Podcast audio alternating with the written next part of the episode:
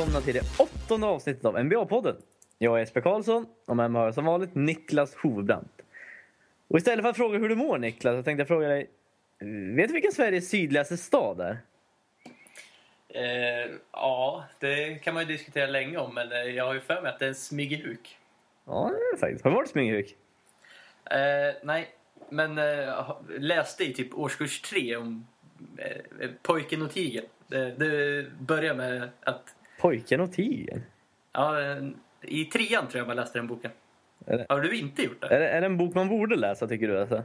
Ja, ja eh, rekommenderar starkt. Okej, nej, jag, har, jag har varit i Smygehuk däremot. Men jag, nej, Pojken och tigern har jag... Nej, den, jag missat den boken. Är en otroligt spännande resa om en pojke som tappar bort sin katt och sen hittar katten väg själv vägen från Smygehuk ända till Boden. Oj, Du ja. hör ju, vilken jävla cliffhanger. Ja, vilket, vilket, ja, kanske man borde Ja, till Boden? Ja, jo. Ja, ja, det är en jävla bit alltså. Ja, okej. Ja, nej, okej. Men jag är glad att du kunde vilken, vilken, vilken stad det var i alla fall som var eh, sy, sydligaste staden i Sverige. Ja, för det här har mycket med basket att göra. Det har det Eller- inte alls, men vi tänkte, jag tänkte att ah, ja, du, du, du mår ju alltid under omständigheterna bra. Så jag tänkte... Nej, jag, jag bruk, brukar alltid må dåligt på måndagar, men nu, det här var ju en spännande överraskning att få så här i början. Jag menar det. Nu blir du glad, nu mår du bra. Eh, Jag, jag hade hoppats på att jag hitta, skulle hitta en bra segway från Pojken och Tigern och Smygehuk till NBA. Det hade varit jävligt intressant. En spelare som har... Nej, jag har ingen aning om han kallas, Stigen eller inte. Men eh, under... Ja, om det var idag eller igår så fick vi reda på att, jo, inte Joe Dumars, utan Morris Cheeks, eh, head coach i Detroit Pistons, har fått sparken. Efter en eh, väldigt, eh, ja, ingen vidare start för Detroit som eh, efter nu 50 matcher är 21-29. Och en eh, halv, halv match utanför slutspelet i East och ligger på nionde plats. Och eh, ja, det har ju, Joe Dumars har ju sparkat tränare både till höger och vänster eh, de senaste åren. Och eh, Morris Cheeks är den eh, tränaren som har ja, varit kortast tid i ett lag under de, ja, under de senaste 25 säsongerna. Han var bara 50 matcher då. då. Och eh, ja, Niklas, vad hämtar man från det här? Ja, eh, det är ju frågan. Eh, många tycker att det här kom för tidigt. Det är liksom hans, hans första år har han bara fått eh, spela 50 matcher. Eh, sen tidpunkten den kommer tycker jag också var väldigt, väldigt märklig. Eh, för det, var, det är ju så att i helgen nu som var så vann, vann de både över Brooklyn och över Denver klart i båda matcherna. Och sen på, på söndagen så bara... Nej, sparkad. Ja, det är ju... Det är, han har ju som sagt känt general managern i Detroit, Joe Dumars. Eh, han, är ju, han har varit känd de senaste åren för att eh, sparka tränare hejvilt. Han har sparkat nio tränare sedan 2000 tror jag. Och eh, ja, är det verkligen... Han får inte riktigt någon rättvis chans att visa vad han går för egentligen. Eftersom han bara får 50 matcher. Och sen, sen tycker jag att med det lagbygget som är ologiskt på många sätt som han fick faktiskt haft att jobba med den här säsongen så ja, jag är inte jätteförvånad över att det inte har gått toppbra.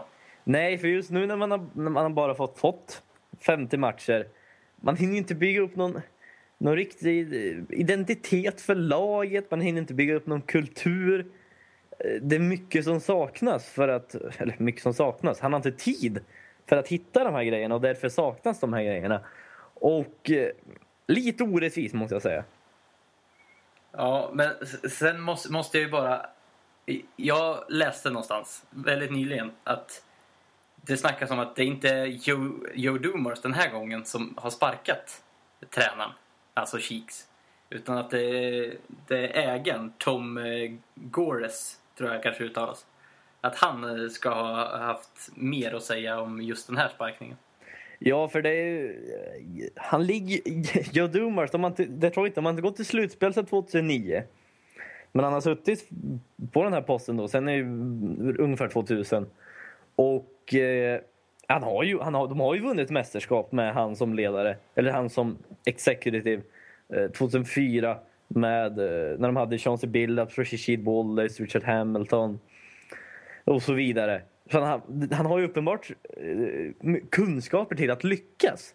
Men han sitter nu rätt illa till faktiskt, Joe Dumars. Och eh, de, har inte, de har inte bestämt med någon ny tränare än. Det har... Eh, Lydon Hollands är favorit, enligt många, att bli, ja, att bli den nya tränaren i Detroit. Men om man inte väljer att... Eh, för att det här är Joe Dumars sista år på kontraktet.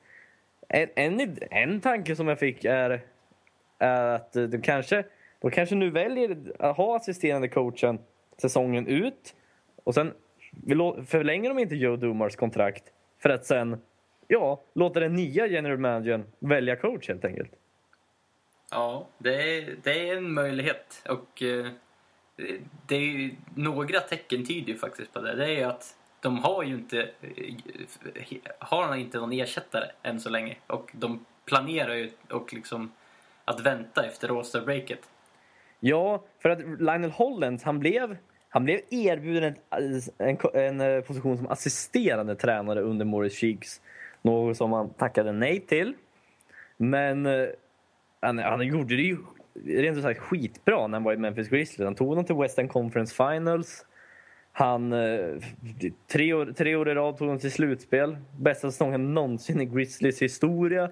Det var, det var också en o, var väldigt konstigt att de inte förlängde hans kontrakt. Eller var oväntat ska jag säga. Ja, nej, det var... Jag förstår inte alls varför. Det, det var många som inte förstod varför. Det, de hade säkert sina orsaker. Det var väl det att han kom inte riktigt överens med, med ledningen hur, hur saker och ting skulle skötas. Och eh, det var väl, kan varit därför. Och då tänkte väl då att eh, Dave Jorger, han som är tränare nu i Grizzly som var assisterande under Lionel Hollens, han, eh, han kan det där systemet och det löser sig ändå. Och eh, man kan inte säga så mycket än med tanke på Grizzlies som har haft Marcus Sol skadad under en längre tid. Och, eh, men de har faktiskt börjat spela ganska bra nu sista matcherna. Memphis nu. När de ja, de, de jagar ju den här eh, sista slutspelsplatsen i, och är väl i kamp med Dallas. Ja, exakt. Och eh, ja, det börjar se bra ut helt enkelt för Grizzlies igen. Men tillbaka till Morris Cheek och Joe Dumars. De, han har sparkat väldigt många tränare. Joe Dumars. Åt, åtta, åtta stycken sedan år 2000. Nio stycken. Nio stycken? Nio stycken till och med. Och eh, det är inte... Om man tittar på hur laget har, eller lagen rättare sagt, har sett ut under de senaste åren så är det egentligen inte coachernas fel att det här har skitit sig på ren svenska. Utan det är egentligen Joe Dumars fel och ledningens fel. De har eh, övervärderat många spelare. De har signat flera spelare, flera free agents till, till massiva kontrakt, riktigt stora kontrakt. För att de, tro, de trodde att de var stjärnor, men sen har det visat sig att nej, de, har, de har knappt kunnat spela överhuvudtaget. Ja, vi har ju två exempel nu, bara senaste i somras med Brandon Jennings och Josh Smith som, som kom in och eh, un, undliga moves och blev ju väldigt dyra. Jag tror båda, eh, båda vad kostar det? 80 miljoner för båda. Ja, nästan 80 miljoner. Josh Smith fick en fyraårsdeal på 54 miljoner dollar och eh, Brandon Jennings fick tre år, 24 miljoner dollar. Och eh, ja, det har ju inte... Brandon Jennings, det finns väldigt mycket talang hos honom. Det finns väldigt mycket talang hos honom. Han kan sätta väldigt svåra skott långt utifrån. Är ganska atletisk, men har ett, haft senaste året en field goal procent knappt 40, kn inte ens kommit upp till 40 procent. Och det tyder på att han är en väldigt eh, ja, bad shot taker så att säga. Han är inga bra val när han väljer vilka typ av skott han ska ta. Och samma sak med Josh Smith. Som eh, ja, före säsongen ja, blev kär i trepoängsliden och de långa midrange-skotten.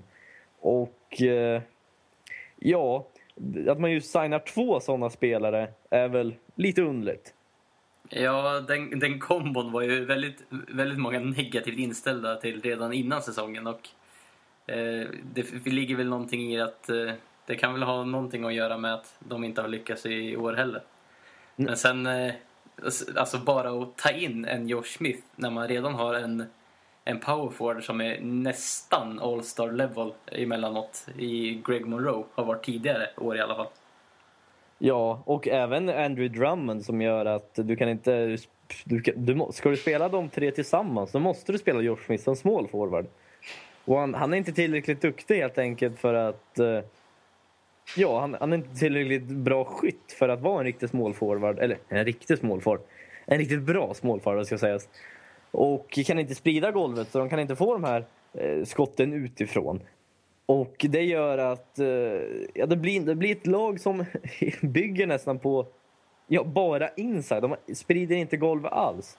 Och det går inte helt enkelt i längden att ja, att eh, spela, vara ett sånt lag och vara ett riktigt bra lag. Det går inte. Nej, och sen... Så, och George Smith blir ju lite lidande i det här att de kan ju inte ha tre som går inside hela tiden. Då, han tvingas ju nästan ut till den här beryktade långa tvåan och trepoängslinjen. Där han, han skjuter ju inte tillräckligt bra för att, för att sätta dem konstant. Nej, absolut inte. Men om man kollar även Joe Dumars vad han signade, vilka free han signade 2008. Då signade han Ben Gordon till en 55 miljoner, 55 miljoner dollar, fem år. Och Charlie Villanueva, fyra år och 35 miljoner dollar.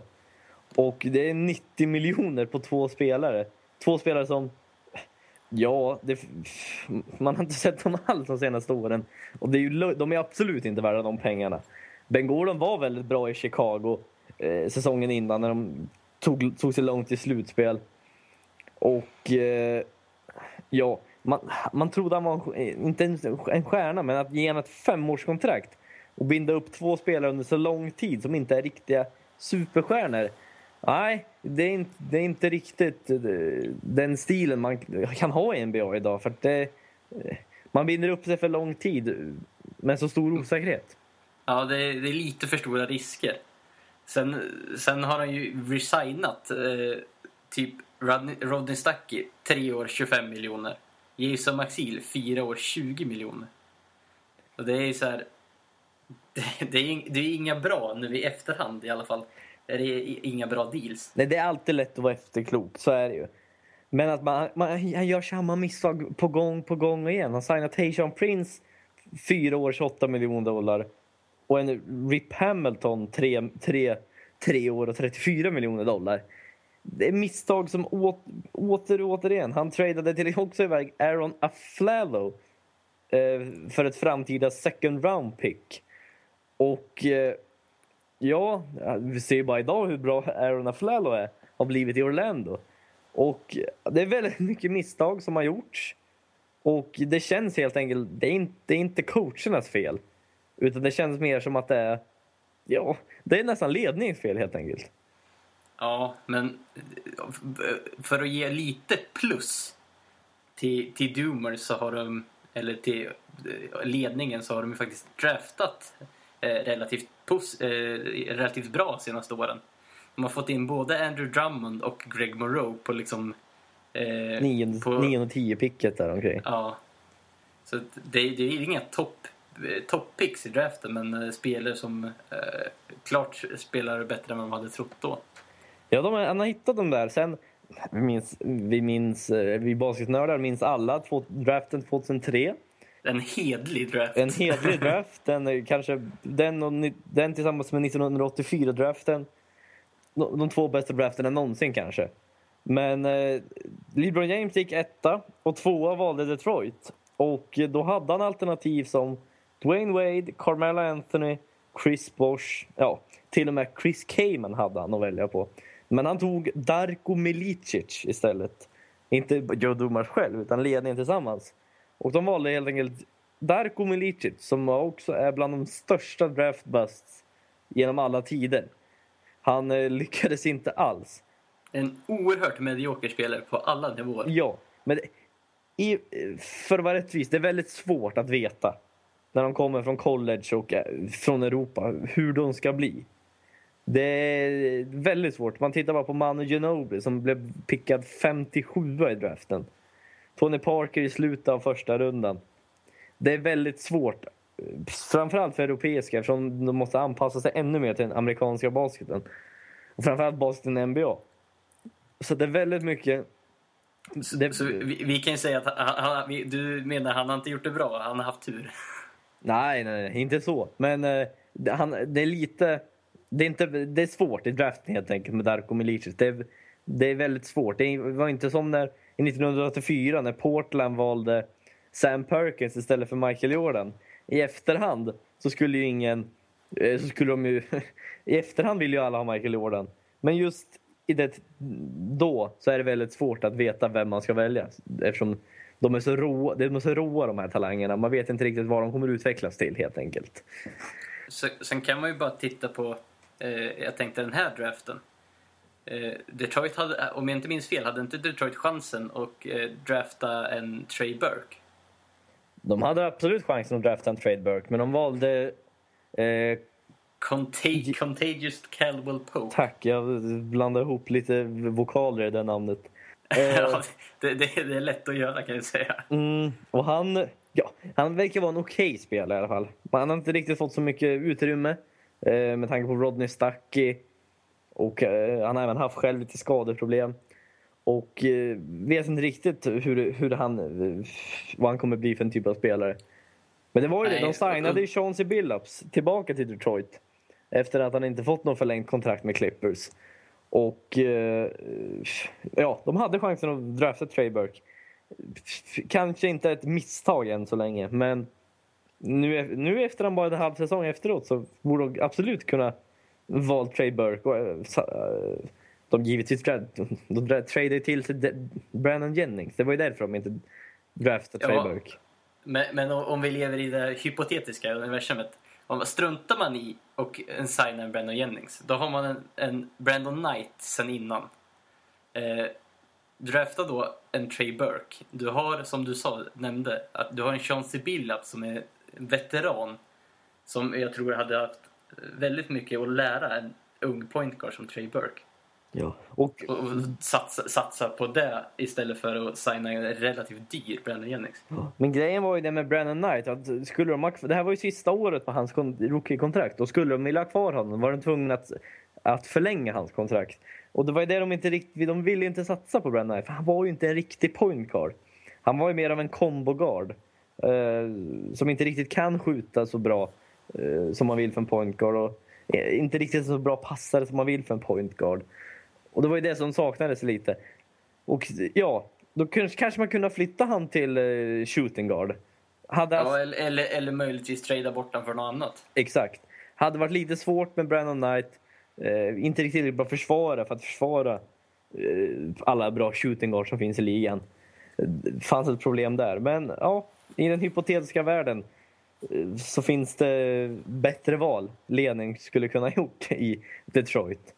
Och eh, ja, om vi sammanfattar det här. Eh, nej, innan jag sammanfattar det här vill jag fråga. Det har varit väldigt mycket trade-rykten om Greg Monroe.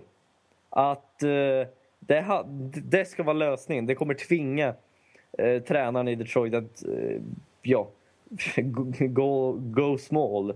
Fast det är ju inte small egentligen. Men det är mindre i alla fall än vad de har nu. Och då tvingar de Josh Smith upp till power forwarden. Kanske kan få någonting i utbyte. Eh, eftersom Greg Monroe fortfarande är på sitt rookie-kontrakt och, är, kontrakt och är en restricted free agent i sommar. Eh, kanske kan få någon hyfsad ja, small forward som de är i behov av eh, i utbyte mot Greg Monroe och lösa det. Vad, vad tror du om det? Uh, ja, det är ju faktiskt uh, någonting som de skulle behö De behöver ju någon slags förändring. För att uh, just nu, man tänker ju att med, med så pass stor frontcourt så borde de ju, de borde ju åtminstone vara bra i ett försvar. Men eh, då är de ju inte riktigt heller. För eh, de är alltså näst sämst i opponents effective field goal procent på 51,6 i år. Ja, och när alla de här tre är på laget, eller på laget, på planen På plan. ska jag säga. När de här tre, Josh Smith, Greg Monroe och Andrew Drummond är på planen. Så är de, om man tittar på offensive rating och defensive rating, så är de minus fem när det gäller när det gäller helt enkelt, eh, ja, när alla tre är på planen. Men när bara två av dem på planen är de plus 6,1 istället. Och sen när de är en eller noll av dem på planen, då, är de minus, över minus 10. Så det är inte alls bra. De måste ha minst två av dem på planen. Och det har funkat väldigt bra. Så det är, det är en möjlighet helt enkelt att, ja, trada bort Greg Monroe, få in en small forward av något slag, vem det är. Det finns mycket alternativ. Har, har du något, har du något lag, lagförslag? Något, någon, något ställe där han kan hamna? Oj, nu, nu sopar du, tar du mig på mattan. Ja, nej, men, ja, ja, jag vet. För det är, det, är, det är lite svårt att hitta just. Det Man ska lösa de här spontan traderna. reaktion inte kanske passar in i systemet riktigt, men Denver. Jag vet inte varför riktigt. Jag tänker mig... Jag vet inte riktigt vad jag tänker mig. Jag tänker mig att Wilson Chandler kanske ska komma till Detroit. Mm, Utbyte måste- mot Greg Monroe. För att Kenneth Farid har inte riktigt funkat i år. Så bra som man velat. Och sen Greg Monroe, Kenneth Farid. Den kombinationen. Mm, jag vet inte riktigt. Men då har de Timofey Moskow. Eventuellt Javier McKee när han kommer tillbaka. Greg Monroe, Kenneth Farid. Det är en väldigt bra frontcourt man borde kunna mixa lite med och försöka hitta de här ja, de bra kombinationerna som finns. Det är väldigt eh, spontant eh, spontant lag jag fick upp. Jag tror inte alls, jag tror absolut man kan hitta ett bättre när man, har, när man, om man får fundera lite. Men det var Ja, nej, spontant bara jag tänkte på. Ja, för det, det är inte så lätt att hitta de här. Och, och som det du nämnde Denver, det är just att visst eh, skulle man, man, visst skulle man ta Greg Monroe istället för Kenneth Freed. Men det är att Kevin, Kenneth Freed, han har ju skaffat någon slags ikonstatus i Denver. Han är ju, det är ju den populäraste spelaren. Det är, ju- det är ju många som går dit för att kolla på honom. Eh, lite som eh, Blake Griffin har varit för Clippers tidigare. Jo, det är ju så. Man, de där är värdefulla. Men jag som sagt vill trada bort Wilson Chandler istället för att just för eh, deras behov som small forward. Men då, då blir Denver utan en small, riktig small forward. Och, nej, det funkar inte alls egentligen. Jag vet inte helt enkelt. Vi, ska vi lova att vi kan komma upp om eh, ingen trade har skett till nästa podcast så ska lovar vi att komma upp med ett tradeförslag. Ett, två tradeförslag där Mon- Greg Monroe möjligen kan hamna. Och eh, vi kanske även petar in några andra som är heta på marknaden. Exakt, eftersom trade deadline närmar sig. Och eh, det kan hända väldigt mycket med tanke på att det är väldigt många lag som tankar och eh, villiga att ge upp talang just för att bli sämre och få ett bättre pick i årets draft. Men nu är det dags att sammanfatta Detroit här lite. Eh, vi tycker helt enkelt, både du och jag, inte bara tränarens fel de senaste åren. Ledningen har inte alls gjort det bra. De har satt eh, eh, tränaren lite på pottkanten hela tiden. Och eh, de trodde väl det nu i år helt enkelt att med det här laget, med den lönen vi, och den talangen som finns i det här laget borde vi enkelt gå till slutspel i mycket svagare väst. Nu är inte så fallet. De vill genom förändring. De, ja, de sparkar tränaren helt enkelt. En väldigt drastisk förändring, ofta. Inte speciellt bra förändring alltid så här mitt i säsongen. Men eh, ja, vi får se vart det leder helt enkelt.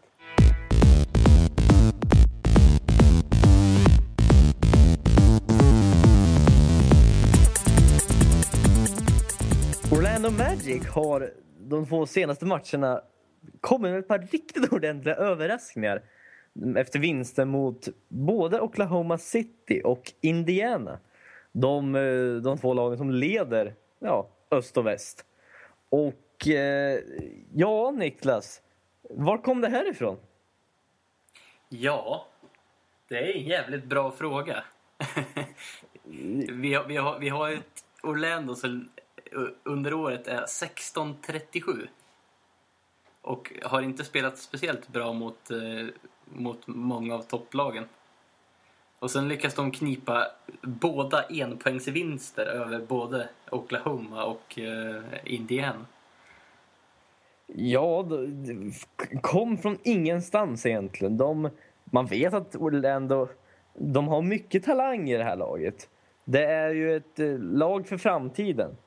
Och eh, med tanke på deras record, tredje sist i det mycket svaga East, så hade man inte riktigt de här förväntningarna. Men de har några spelare ändå som kan, ja, kan bli heta helt enkelt. När de spelar bra så kan de spela riktigt bra faktiskt. Såg vi förra året till exempel Tobias Harris eh, som efter traden från Milwaukee snittade ja, över 10 returer, 18 poäng och var otroligt het eh, i den andra delen av säsongen. Och vi hade, och det finns även Andrew Nicholson. Eh, också en spelare som går mycket upp och ner. Kan ibland spela väldigt bra, ibland mindre bra. Och... och vi, vi skulle säga att just Nicholson har inte haft så stor impact i just de här två vinsterna. Han, har spelat, han spelar åtta minuter mot Indiana och han spelar sex minuter mot Oklahoma.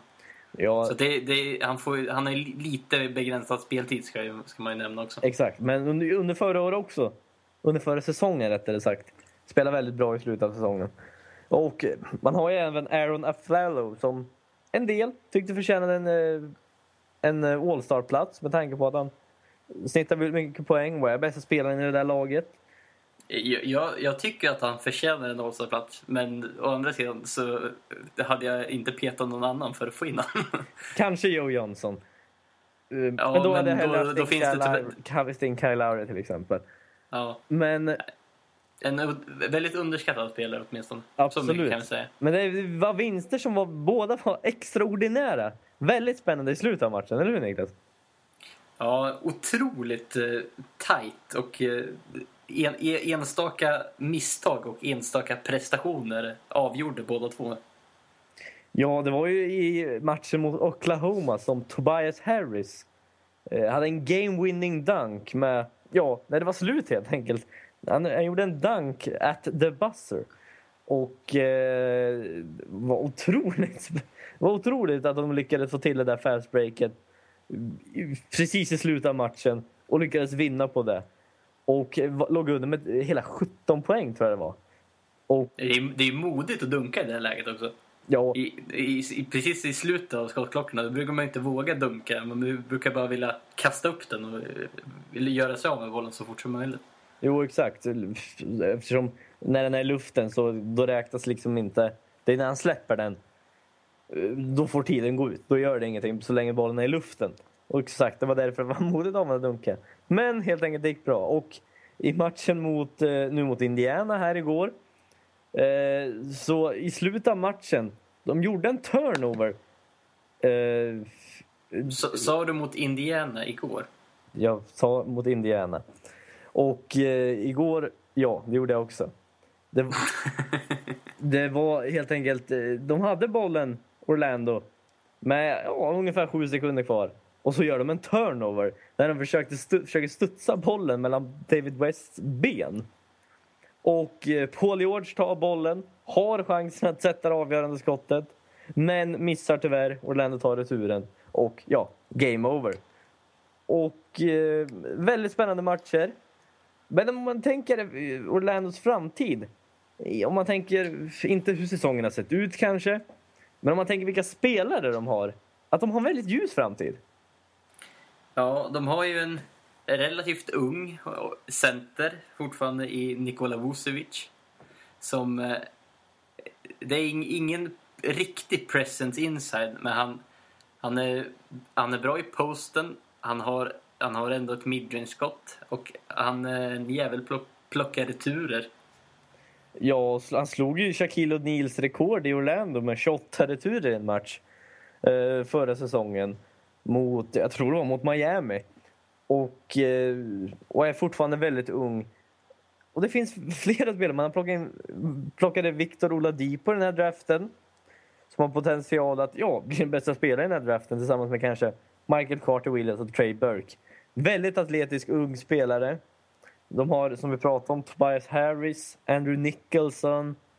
De har även Aaron Flallow som har något år kvar på kontraktet. En... Ingen ung talang, ska vi nämna. Nej, men en väldigt produktiv spelare. Absolut. Och eh, ja, Glenn Davis, ingen ung talang kanske. Eh, en Maurice Hortes har ju, har ju, är ju också okej okay stundtals. Ja, tyvärr. Maurice Harkas är en spelare som... Han var rookie förra året. Och eh, när, under slutet av säsongen, när, många som gjorde det bra i slutet av säsongen, Magic nu när jag tänker på det, spelade väldigt, väldigt bra. Han är en väldigt atletisk spelare.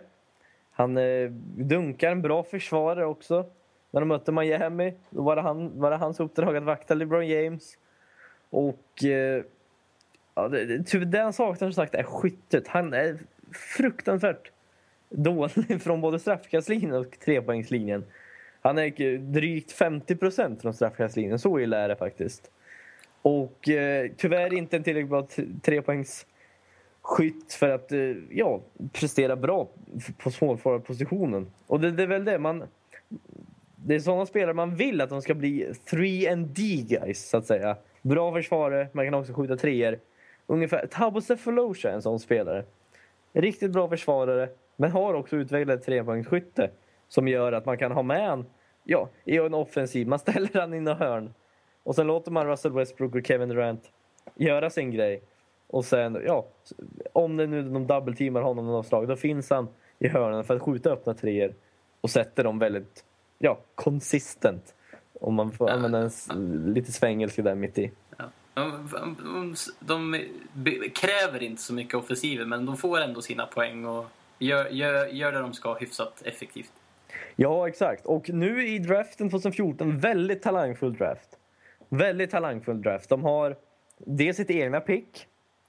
Eh, det här draften och eftersom de är trea i East, nej, tredje sist i East ska sägas. Eh, så är det väldigt stor chans att de får ett väldigt högt pick i årets draft. Och sen får de även eh, det, säm det sämsta picket av Denvers och New Yorks pick i första rundan. Så att de har två draft picks. Kan med lite tur få ett lotteri, topp tre. Och kanske få, ja nu om man får drömma ordentligt, en Jabari Park och Andrew Wiggins till det här. Orlando om ett par år, de blir riktigt farliga. Ja, det, framtiden ligger, ligger öppen för dem eh, på många sätt. Det gäller ju bara att ta vara på det här också. Jo, exakt. Det är, det är inte bara att slänga in alla talanger på plan och hoppas på det bästa. Nej, verkligen inte. Och det gäller att se till så att alla får tillräckligt med speltid. Både för att de är nöjda och att de kan utvecklas till den potentialen de har. Och även, ja, kanske trada till sig någon veteran mer. Så att de lär upp de här ynglingarna, så att säga. Men även att efter ett par år, när de börjar bli bättre och bättre spelare i ligan. Ja, då går deras rookie-kontrakt ut och de, ska förlänga, alla, de måste förlänga kontrakten. Det är det som är problemet, att du kan inte ha för många talanger. Trots att jag har en förkärlek till att många talanger i ett lag. Jag, det är någonting med att oh, det finns så mycket potential. Tänker om ett par år, då kan vi bli bäst i NBA. Du, du, tror på de unga spelarna? Jag tror alltid på unga spelare. En överdriven tro på unga spelare skulle jag nästan kunna säga. Jag håller nog med dig om det faktiskt. Jag, jag tycker alltid, alltid satsa på talang. Det, tyvärr är det jag, först, jag förstår inte det. Okej, okay, ibland, i många fall förstår jag. Men ofta är det så här när, eh, när unga spelare, när man väljer en veteran som är lite, lite bättre, men i slutet av sin karriär. Man väljer honom före en ung talang. Och då är det motiverat. Ja, men vi vill vinna matchen. Det är det som är det viktiga. Ja, tränarna inom citattecken ska ju tänka så. Men det känns inte alltid som att eh, de borde tänka så. Eh, en talang, eh, om två år är den här talangen troligtvis en bättre spelare. En viktigare del av laget. Och då kanske det var mer värt att satsa på de, den talangen i just de här viktiga matcherna. När, när det är nästan 50-50 vem som borde spela egentligen. Och, få, få, få den erfarenheten som krävs. Ja, exakt. Och det är väl därför jag har den förkärleken. Varför jag tycker unga talanger ska få chansen ja, att spela. Det, det, det, är så jag tycker. Och, som sagt, ibland blir, går den till överdrift. Mm. Ja, men om vi nu... Ska, ska vi lämna Orlando Magic? Ja. Och så gör jag ett bra segment över. Till ett annat lag som är väldigt fullt av unga talanger, nämligen Philadelphia. Ja, det stämmer. Philadelphia som har eh, många unga spelare i laget. Flera draft picks i den kommande draften. Flera, de har två. Men eh, två som troligtvis kommer vara väldigt bra, bra, väldigt bra draftpicks. och eh, de spelade igår, igår natt mot Clippers och åkte på en brakförlust. Eh, kan man minst säga. De förlorade med 123-78. 46, 46 poängs förlust. Och eh, ja, de låg under med både de låg under med 54-17 och eh, de låg, den största ledningen Clippers hade i matchen var 89-33. 56 poäng ledde de med. Och nej, det, var, det var inget snack, det var inte snack någonstans vilka som skulle vinna den här matchen. Och ja, Chris Paul gjorde sin comeback i Clippers. Spelade 23 minuter. Ja, vad säger vi om den comebacken? Ja, eh, ungefär vad man kan förvänta sig kan tycka. Han, han gjorde väl sina poäng på, på, så få försök som han gjorde. Han fick åtta assist tror jag. Eh, hade, var lite ringrostig. Eh, fick några turnovers som inte riktigt var likt honom. Eh, men är man borta en månad helt från spel så är det kanske vad man kan förvänta sig. Ja, som du sa, det, det såg faktiskt väldigt rostigt ut för, för Chris Paul. Man, de har ju spelat så bra utan honom med Darren Collison som point guard. Men eh, som sagt, eftersom de ledde så otroligt... Darren Collison såg ju dock riktigt skakig ut i den här matchen. Ja, men det är väl så när hans roll helt plötsligt förändras. Han, nu är han inte den som ska leda laget. Det, det, är Chris Paul och kan få en annan roll. Det kan också ta ett par matcher för honom att komma tillbaka i sin gamla roll. Nu när han har vant in sig med sin nya roll. Men eh, om vi tittar på Philadelphias synvinkel. Det såg inte bra ut alltså. Det såg riktigt uselt ut. Nej, det, var, det är väl ett litet exempel på att eh, så, du, du prisade unga talanger. Det, det funkar inte riktigt alltid.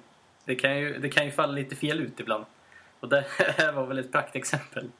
Ja, men Philadelphia så såg ganska bra ut i början av säsongen när Michael Carter Williams var så otroligt het. Och eh, Therese Young har spelat bra de sista, sista månaderna. Eh, faktiskt Spencer Hawes skjuter otroligt bra från trepoängslinjen. Därför vill jag med, till exempel vill jag med en trepoängstävling faktiskt, för jag vill ha någon big man där. Även Turner har också haft ett riktigt bra år faktiskt. Och det är flera unga spelare som är här i laget som har utvecklats. Men när de nu möter ett eh, Los Angeles Clippers som har spelat ganska bra ändå sista tiden. Och eh, det tar stopp. Det tar helt stopp för dem.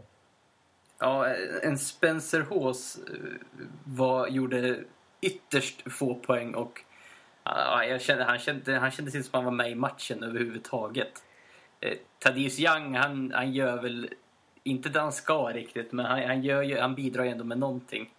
Men det är ju framförallt bänken, reservspelarna i Philadelphia som, som är, de är inte så namnkunniga och som i den här matchen var väldigt bleka. Nej, den mest namnkunniga från bänken var väl Tony Roten eller kanske Lavoy Allen. Och det säger väl lite om eh, Philadelphias bänk i nuläget. De har Andrew, eh, Arnett Moultrie, Royal Ivy. Ja, det är spelare som en, som en annan faktiskt knappt hört talas om och kan inte speciellt mycket. Och eh, nej, men om vi, om vi tittar framåt nu då. De, eh, om vi, de ser väldigt positivt in, inför draften eftersom de, de ska tanka i år. De ligger näst sist i East. Eh, och de har, eh, de kommer, har sitt eget pick och de har dessutom New Orleans pick som de fick i traden för Drew Holiday. Där de fick eh, ja, även Nerlens Noel utbyte.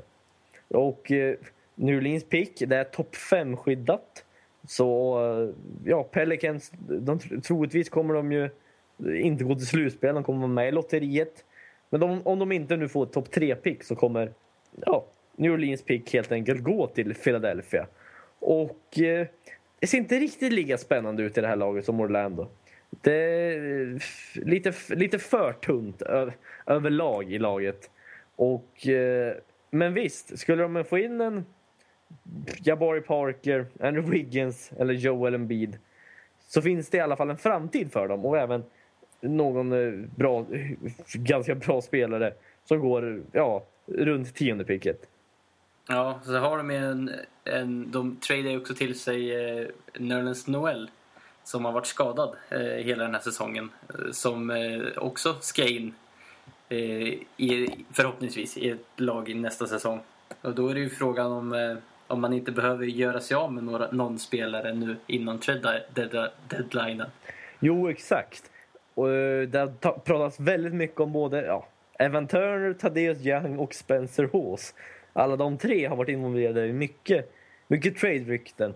Och eh, ja, det, om vi går in i den hypotetiska världen igen.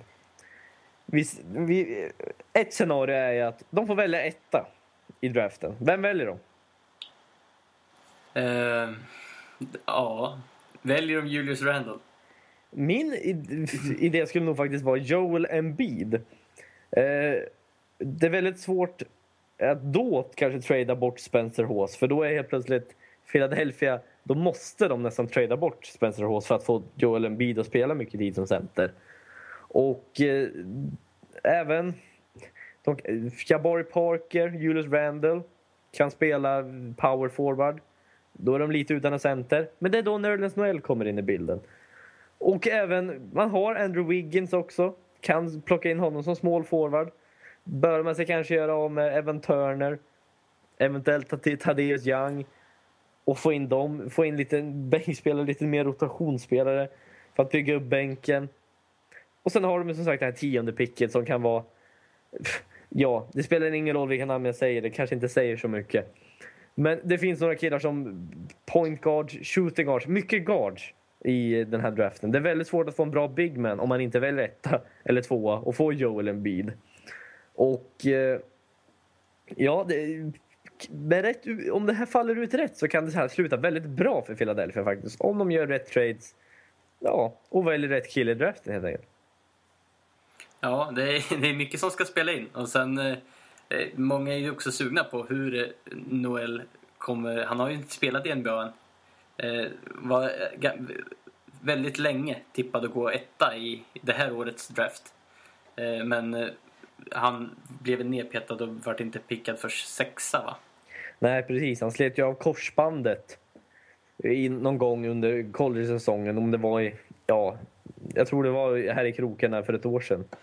Och eh, därför sjönk han. Man visste inte riktigt hur han skulle återhämta sig från den här skadan. Men nu är han, han är nästan, tror jag, medic, medically cleared. Alltså, han, han, han har nästan full kontakt nu på träningarna.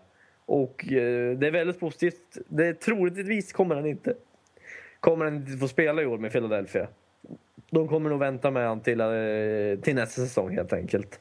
Och... Eh, då är det ju nästan en kittlande tanke. Ifall, ifall han nu eh, blir frisk och de vill liksom småköra igång han lite så på slutet.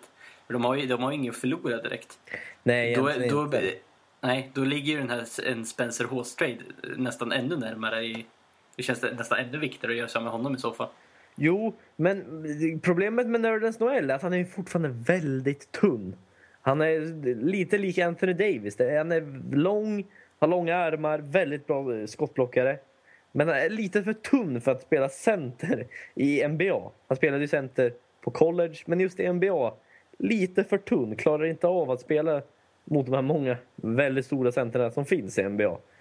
Men då, då, då är ju Spencer Hawes inget eh, superexempel i utbyte heller. Nej, det är det som är grejen. Han, eh, han är ju en, ja, han är ju en lite Mehmet Okur om man eh, vill jämföra honom med någon, om det nu säger så mycket. En stretch five helt enkelt. En center som kan skjuta tre poängs. Andrea Bargiani hade varit en kanske bättre jämförelse. Eh, En lätt, lättare referens. Ja, exakt. Och eh, han, är då, han är ju visst, han har haft ett breakout i år, i alla fall förhållandevis. Och, men när, när du och jag diskuterade det här innan, ing, vi hittade inte riktigt något ställe han kunde bli tradad till. Nej, det, det är faktiskt svårt att hitta något lag som behöver honom och som faktiskt kan ge Philadelphia någonting i utbyte. För de, de är ju inte ute efter något mer än i stort sett pick eller möjligtvis unga talanger. Ja, eller ja, möjligen något utgående kontrakt. Någon riktig så här bänkspelare, rotationsspelare. Ska komma ändå lite från free agency känns det som. Det är inget riktigt man tradar till sig oftast. Och eh, det, är väl, det är väl det. Det är svårt att... Thaddeus Young. Eh, vi pratade om Houston. Eh, Thaddeus Young hade passat jättebra i Houston tror jag. Brev, eh, Bredvid Dwight Howard som power forward där. Mm, typ en stretch, en stretch four som Houston är i behov av. Ja, men då är det ju också frågan, vad får man tillbaka? Jo, vad har Houston? De har en Omer. Ja, exakt. Och då får man ytterligare en center. Kan, kan man då peta över en Spencer Hawes och bli en stretch four under slutet av säsongen? Ja, den möjligheten. Och sen Nerlens Noel kommer tillbaka. Får man, kan man då ha möjligheten att flytta honom till eh, powerforwarden. Och jag har även då lite mer alternativ i draften. Man, man, man måste inte drafta mm, av rent behov. Man kan mer drafta eh, talangmässigt. Man draftar den bästa talangen istället. Och eh, ja, man får, lite helt, får helt enkelt lite mer flexibilitet i draften.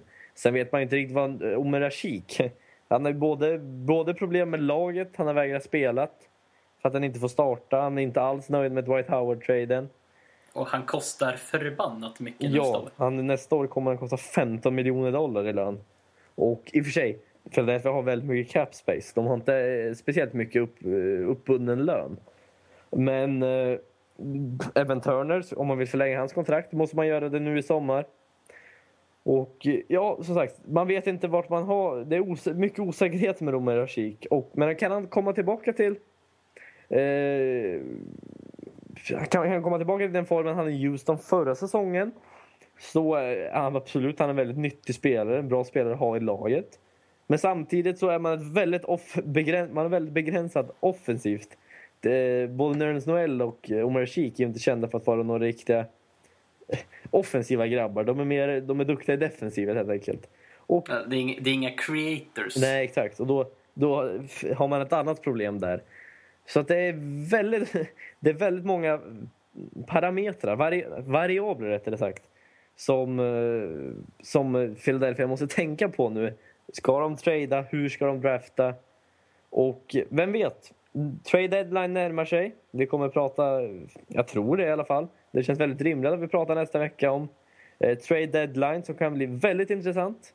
Just eftersom det är många, många lag som tankar i år och eh, vi... Philadelphia, Philadelphia kan väldigt, väldigt troligt komma upp då eh, både en och två gånger. Exakt, eftersom de är villiga att ge bort talang i utbyte för att bli sämre helt enkelt, för att få ett bättre pick.